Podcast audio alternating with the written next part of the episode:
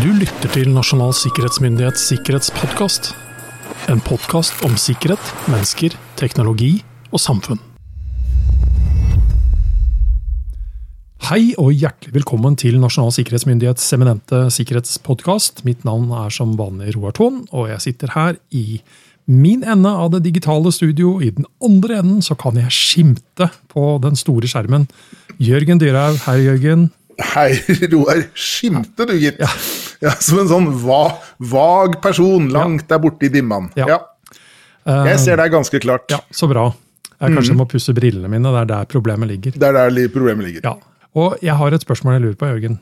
Mm. Hva har du av verdier? Oi! Det var, det var rett på, Roar. Ja, ja hva, hva, har jeg av verdier? Um, jeg, verdier for hvem? For meg selv? Ja, jeg har jo en del verdier. Jeg har jo, jeg håper å si Utstyret vi sitter og bruker nå, har jo en verdi. Det er jo relativt lett omsettelig elektronikk. Vi har sikkert uh, smykker i huset som jo er lett omsettelige verdier. Og så har vi jo ting med affeksjonsverdi. Det er jo et begrep som brukes. Altså at det er veldig verdifullt for meg men ikke for de som eh. eventuelt forsøkte å bryte seg inn hos deg? Altså, Hvem vil være interessert i familiealbumet, liksom, hvis man først kom seg inn i det dyrhauske hjem? Ja, og Det er jo en vanvittig interessant betraktning, fordi et familiealbum fra familien Dyrhaugs gjøren og laden opp gjennom årene er nok ikke si, lett omsettelig der ute. Eh, så interessant det er ikke våre familiebilder. at liksom, jeg, jeg, tror ikke noen av sensasjonsavisene liksom ville stå i kø for å, å, få tak i de bildene. Men jeg ville jo satt pris på å ha kontroll på dem. Jeg ville jo satt pris på at de ikke ja. forsvant. Så de har en verdi for deg? Da, de, jo... de, har, de, har, jo en verdi for meg. De har jo ikke satt noen kroner og øre på det. Uh, men, men trussel- og risikobildet knytta til den verdien er forholdsvis lav, det må vi jo si. Jo, den, den, er jo forholdsvis lav. Samtidig, hvis jeg spinner litt videre på den tanken, og hvis noen hadde brutt seg inn her og tatt disse albumene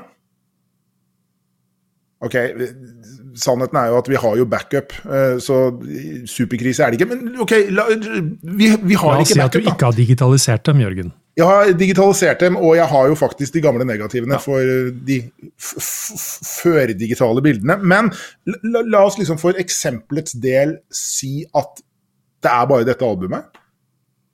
Og hvis det hadde blitt borte, så hadde det jo blitt krise. Ja.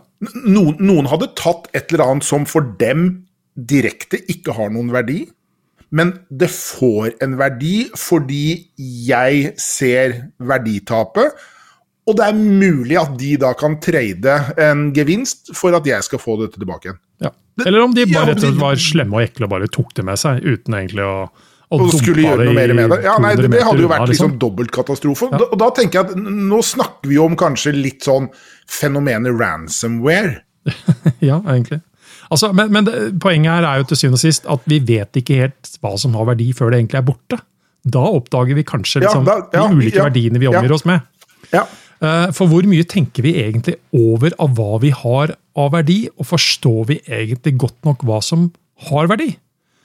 Eh, er egentlig dagens tema knytta opp imot litt hva vi da kan gjøre for å få den eh, forståelsen på en litt bedre måte. Mm. Og jeg syns du har et veldig godt beskrivelse Jørgen, av hvordan verdier kan endre seg. Å oh, ja. ja.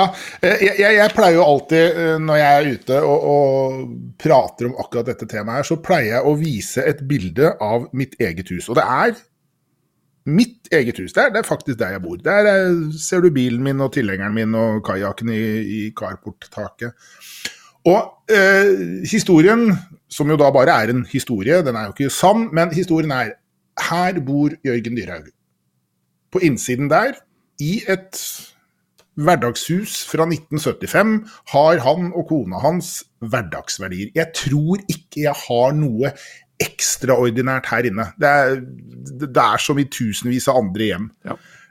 Um, og de hverdagsverdiene, og da tenker jeg liksom risikotrekanten her, de hverdagsverdiene tiltrekker seg egentlig bare hverdagsrøvere. Det er liksom Jeg frykter i gåsehøyne ikke så fryktelig mye annet som skal liksom sikre på hverdagsverdien i min bolig.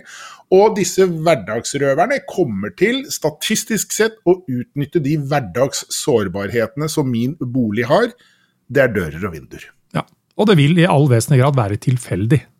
Ja, og det vil være tilfeldig. Det er det lite målretta angrep ja. mot uh, det dyrehaugs game. Så ja, da har jeg gjort noen grep for å sikre min bolig mot sånne rene, tilfeldige, i gåseøyne forbipasserende hendelser, som da ønsker seg inn i det. Det er et kommersielt alarmanlegg og litt andre sånne småting.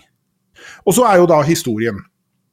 Tenk hvis vår kjære direktør Sofie sier Jørgen, reis til Nydalen og hent 2024-budsjettet for NSM. Vi har fått det i kontanter. Og huff, da. Ja, det, det, var en merkelig vurdering fra Justis- og beredskapsdepartementet, men, men, men, vi kjører på. Ja, ja, eh, veldig Litt knotete, egentlig, men direktøren har talt. Jeg tar stasjonsvogna, kjører til Nydalen, lemper inn det vi måtte få å leke med for 2024. En god slump penger. Tar det med meg hjem og plasserer det her i kjellerstua hvor jeg sitter og prater med deg nå. Det er det samme huset. Mm. Det er det samme eh, innbyggerne, men si, verdibildet har jo nå endret seg ganske dramatisk. Ja. For nå har jeg en helt ekstraordinær slump med spenn. Um, nå vet ikke jeg engang hva vi har i budsjett for 2024. Sorry til alle dere som forventer at jeg visste det. Det gjør jeg ikke. Men eh, det er i hvert fall en pen slump med penger. Ja. Og, nå, og, nå, når ryktet om at en representant i Nasjonal sikkerhetsmyndighet har liksom fått en god slump penger, så får jeg en kjempeutfordring. For da skal jeg liksom forsvare Solvangveien 18 mot sånne profesjonelle ranslag. Sånn, du har sett noen sånne spektakulære YouTube-videoer fra Sverige hvor de kommer flyende med helikopter og alt mulig rart. Og da er det jo ikke dørene og vinduene i min bolig som kun er sårbarhetene. De kan jo finne på å bore seg opp gjennom kjellergulvet eller gjennom taket eller gjennom veggen. Så jeg får liksom en helt annen Jeg blir litt på tå hev. Trussel og risikobildet endrer seg ganske. Sånn. Risikobildet endrer seg. ikke sant? Verdibildet endrer seg trusselaktørbildet endrer seg en, som en funksjon av dette. De aktuelle sårbarhetene endrer seg, inntil vi da har brukt opp alle penga mot juletider om et års tid, og liksom alt faller tilbake igjen. Og Det er denne her dynamikken. Ting endrer seg fra en dag til en annen. Plutselig har du fått en kontrakt øh, med en virksomhet som er veldig attraktiv for et sett med røvere der ute. Brått er du også attraktiv for et mm. helt nytt sett med røvere der ute, som du kanskje aldri tenkte på at du var attraktiv for før du da ble involvert i dette. Så det, liksom, det å ha en det å ha en litt sånn dynamisk tanke, være litt løs og ledig når du grubler på dette, det tror jeg kan være veldig hensiktsmessig og lurt. Ja. Altså Kort og godt, uh, verdier er ikke statiske. Uh, dette Absolutt seg, uh, ikke statiske. Sånn. De kan endres fra jeg holdt på å si, et sekund til et annet. Og Man kan jo miste verdier òg, som i realiteten gjør at man ikke lenger er så attraktiv. Så det går jo egentlig mange det går jo ja, ja, ja. ja og, det, det, og, det, er jo en del av eksempelet. I det øyeblikket vi da har brukt opp budsjettet for 2024, så er ikke liksom disse profesjonelle ranslagene så himla interessert i mine hverdagsverdier. Men jeg hadde jo, jeg hadde jo egentlig håpa at det hadde vært noe fornuft, sånn at du ikke hadde måttet ha den summen med penger der over et helt år. Da, at man kanskje hadde gjort litt andre sikkerhetstiltak underveis. Men uh, ja. Nei, nei. Jeg vet ikke. Nei. Jeg, vet, jeg syns historien er best akkurat sånn ja, som okay, den er nå, Greit. Da skal du få lov til å ha den historien Takk. sånn. Yep. Mm. Men kort og godt, så, så jeg, jeg, tenker vi skal snakke litt om hva om. Altså, ulike scenarioer. For mm. Du har jo beskrevet nå egentlig to vidt forskjellige scenarioer, mm. Eh, som da også medfører at man må sikre seg på ulike måter. Og da er egentlig spørsmålet mitt, da eh, Er vi liksom er vi gode nok, sånn generelt sett, eh, alle norske virksomheter, offentlige, private, til å, til å gjøre disse øvelsene som i realiteten kan endre seg fra den ene dagen til den andre? Eller er vi liksom bare selvtilfredse med at vi har, vi har lagd vår beredskapsplan, vi har mm. lagd vår mm. trussel, altså risiko- og sårbarhetsanalyse, men plutselig så skjer det noe? Og hvor raske mm. er vi til liksom å Endre på det, se nytt på dette her. Jeg, jeg, jeg, tror egentlig eh, svaret på ditt eget spørsmål lå i et av ordene du, du brukte. Altså en øvelse. Ja.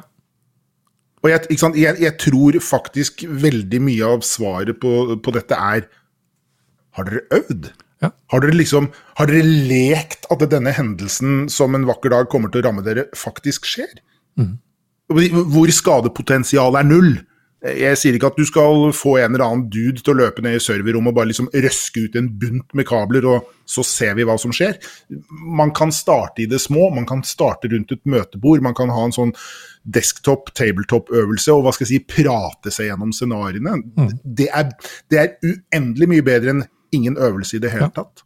Det, men jeg tror nok det er veldig mange veier inn til akkurat det. Og det avhenger litt av modenhetsgrad og alt mulig sånn på, på, virksomheter. Absolutt. Så uh, noen har klare rutiner på å fange opp endringer i altså både verdibildet sitt, hva de har, hva de forvalter.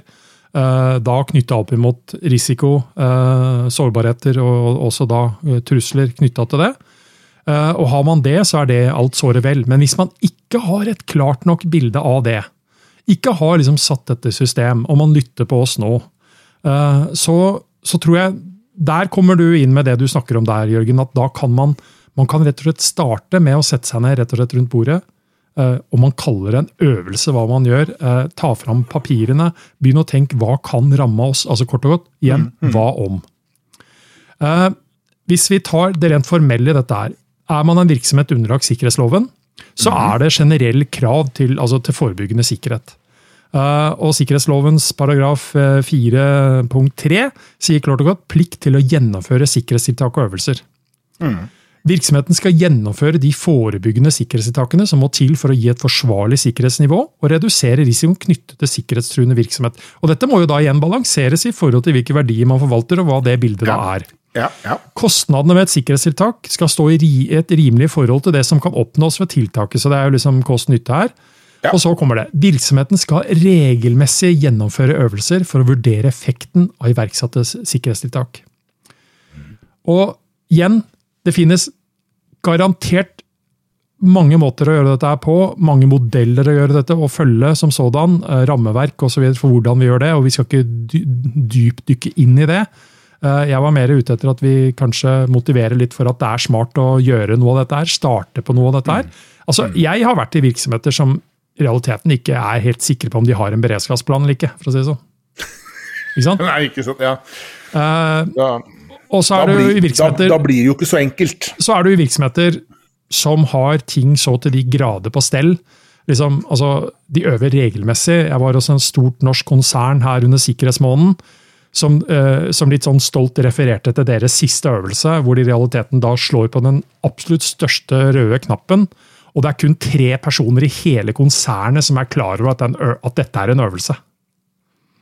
Da har, du satt av, da har du satt av tid og penger og ressurser den dagen for faktisk å rett og slett forstyrre driften i selskapet ditt. Mm.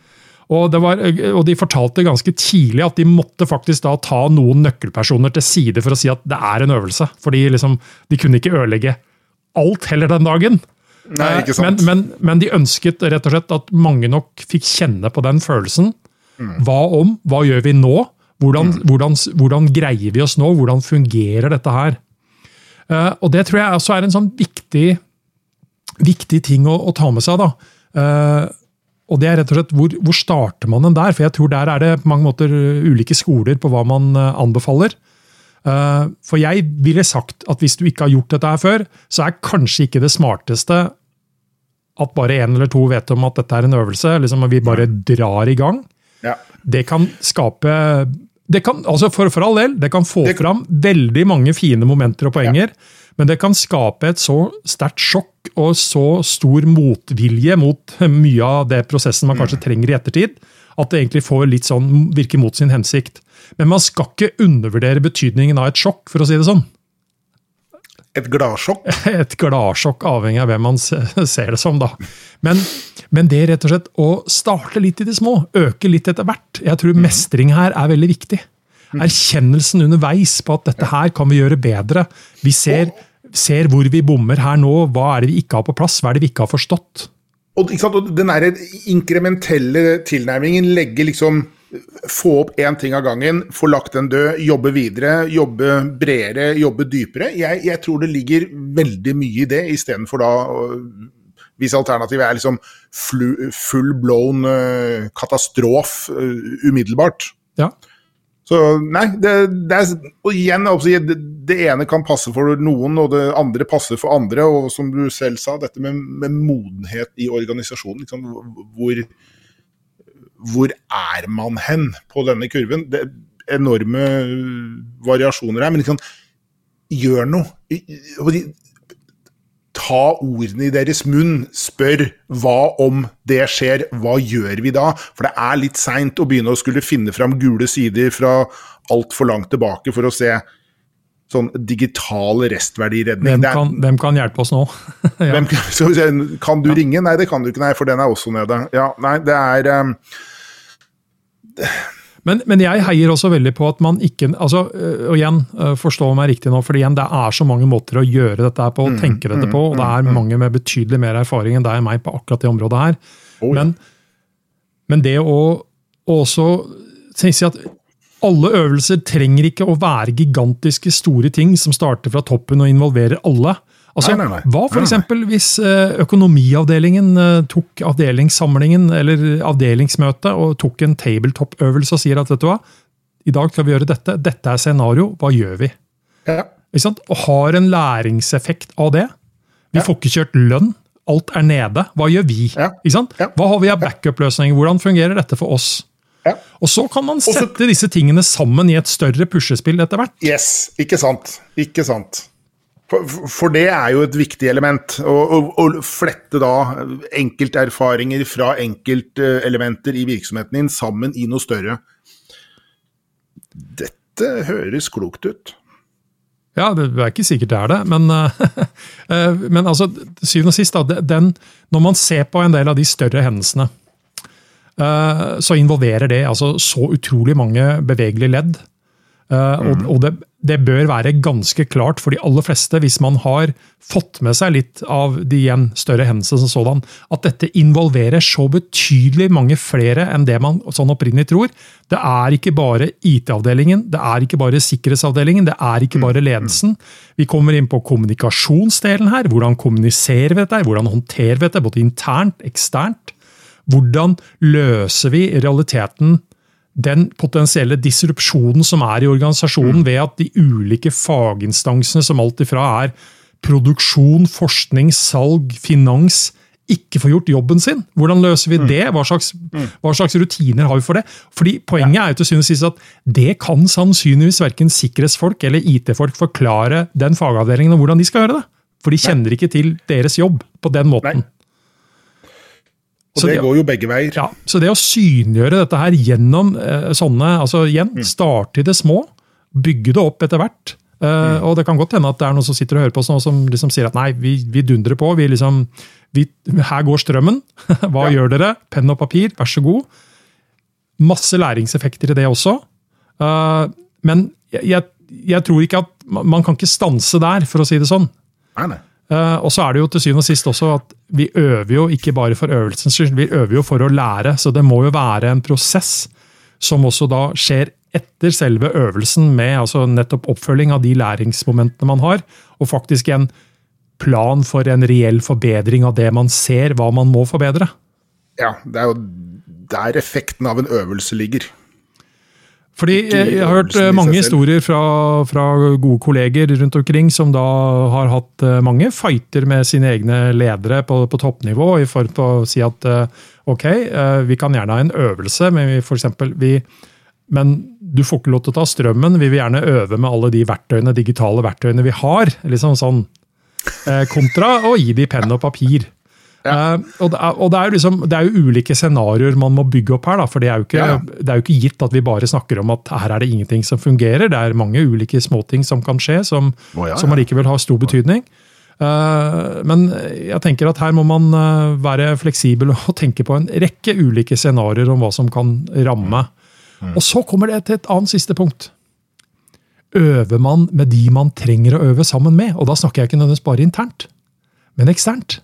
Mm. Fordi vi har nyligvis hatt Ja, en øvelse ja. nå uh, med NSM-representanter og en rekke andre representanter uh, opp imot bl.a. Telenor. Uh, altså, hvor flere kommer sammen for å øve i et større scenario, et større perspektiv. For alle har viktige oppgaver å, å gjøre, og dette skal sånn sett flyte sammen.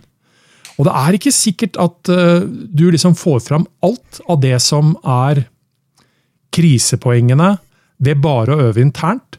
Og du leker nærmest at din tjenesteleverandør eller andre bare skal være i stand til å gjøre sånn eller sånn på kort varsel. Ja, ja, Det er ikke sikkert at det er situasjonen overhodet. Og du trenger kanskje noen fra, fra den virksomheten som sitter her og sier at «Æ, det der er litt feil, for det greier ikke vi å få til. I hvert fall ikke på den måten. Så dette tar lengre tid, eller er det akseptabelt? ikke sant? Den type ting. Og igjen? Du, du, du kan jo dra perspektivet og dimensjonene på disse øvelsene nærmest helt ut i det uendelige. Men for å håper gå tilbake til begynnelsen, det er uendelig mye bedre å gjøre litt enn å ikke gjøre noe. Ja, helt klart. Så igjen, ikke nødvendigvis start med å liksom stenge ned hele bedriften. Sett dere ned eh, noen mennesker. eh, start der. Snakk om det. Hva om? Hva gjør vi da? Hva har vi på plass i dag? Hva trenger vi? Eh, hva skal vi være i stand til å gjøre sjøl? Hvem andre kan komme og hjelpe oss? Og Det er i hvert fall noe du og jeg er ute og snakker om hele tiden. Det er ganske smart å ha avklart det spørsmålet om hvem som kan komme og hjelpe. Helst før du trenger den hjelpa. Ja. Eh, Det er både eh, billigere eh, og enklere å ha den avtalen på plass på forhånd, Ja. enn det det er å forsøke å som du sa, ta opp fram gule sider og leite Ja. når du knapt nok har mobiltelefondekning, i verste fall.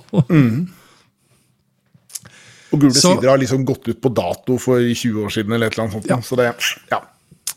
Så eh, hvis man nå hører på oss og tenker at ja, men det, dette høres jo litt spennende ut, eh, jeg liker overraskelser, jeg. Så det er liksom, vi tar det litt sånn. Vi tar det på strak arm når det kommer. Sånn er livet. Eh, Dette vi snakker om her, er en overraskelse som ingen bør ønske seg, kort og godt. Nei. nei. Nei. Det, her bør du ha øvd deg vekk fra den uh, opplevelsen, tror jeg. Ja. Det, her bør du ha tenkt tankene på forhånd. Uten tvil. Men det er vel ingen overraskelse at vi er tilbake neste uke med en ny podkastepisode, Jørgen?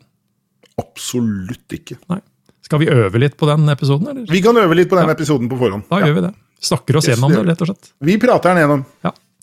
Ha en uh, trygg og sikker og fortreffelig dag videre. Takk det samme, Roar.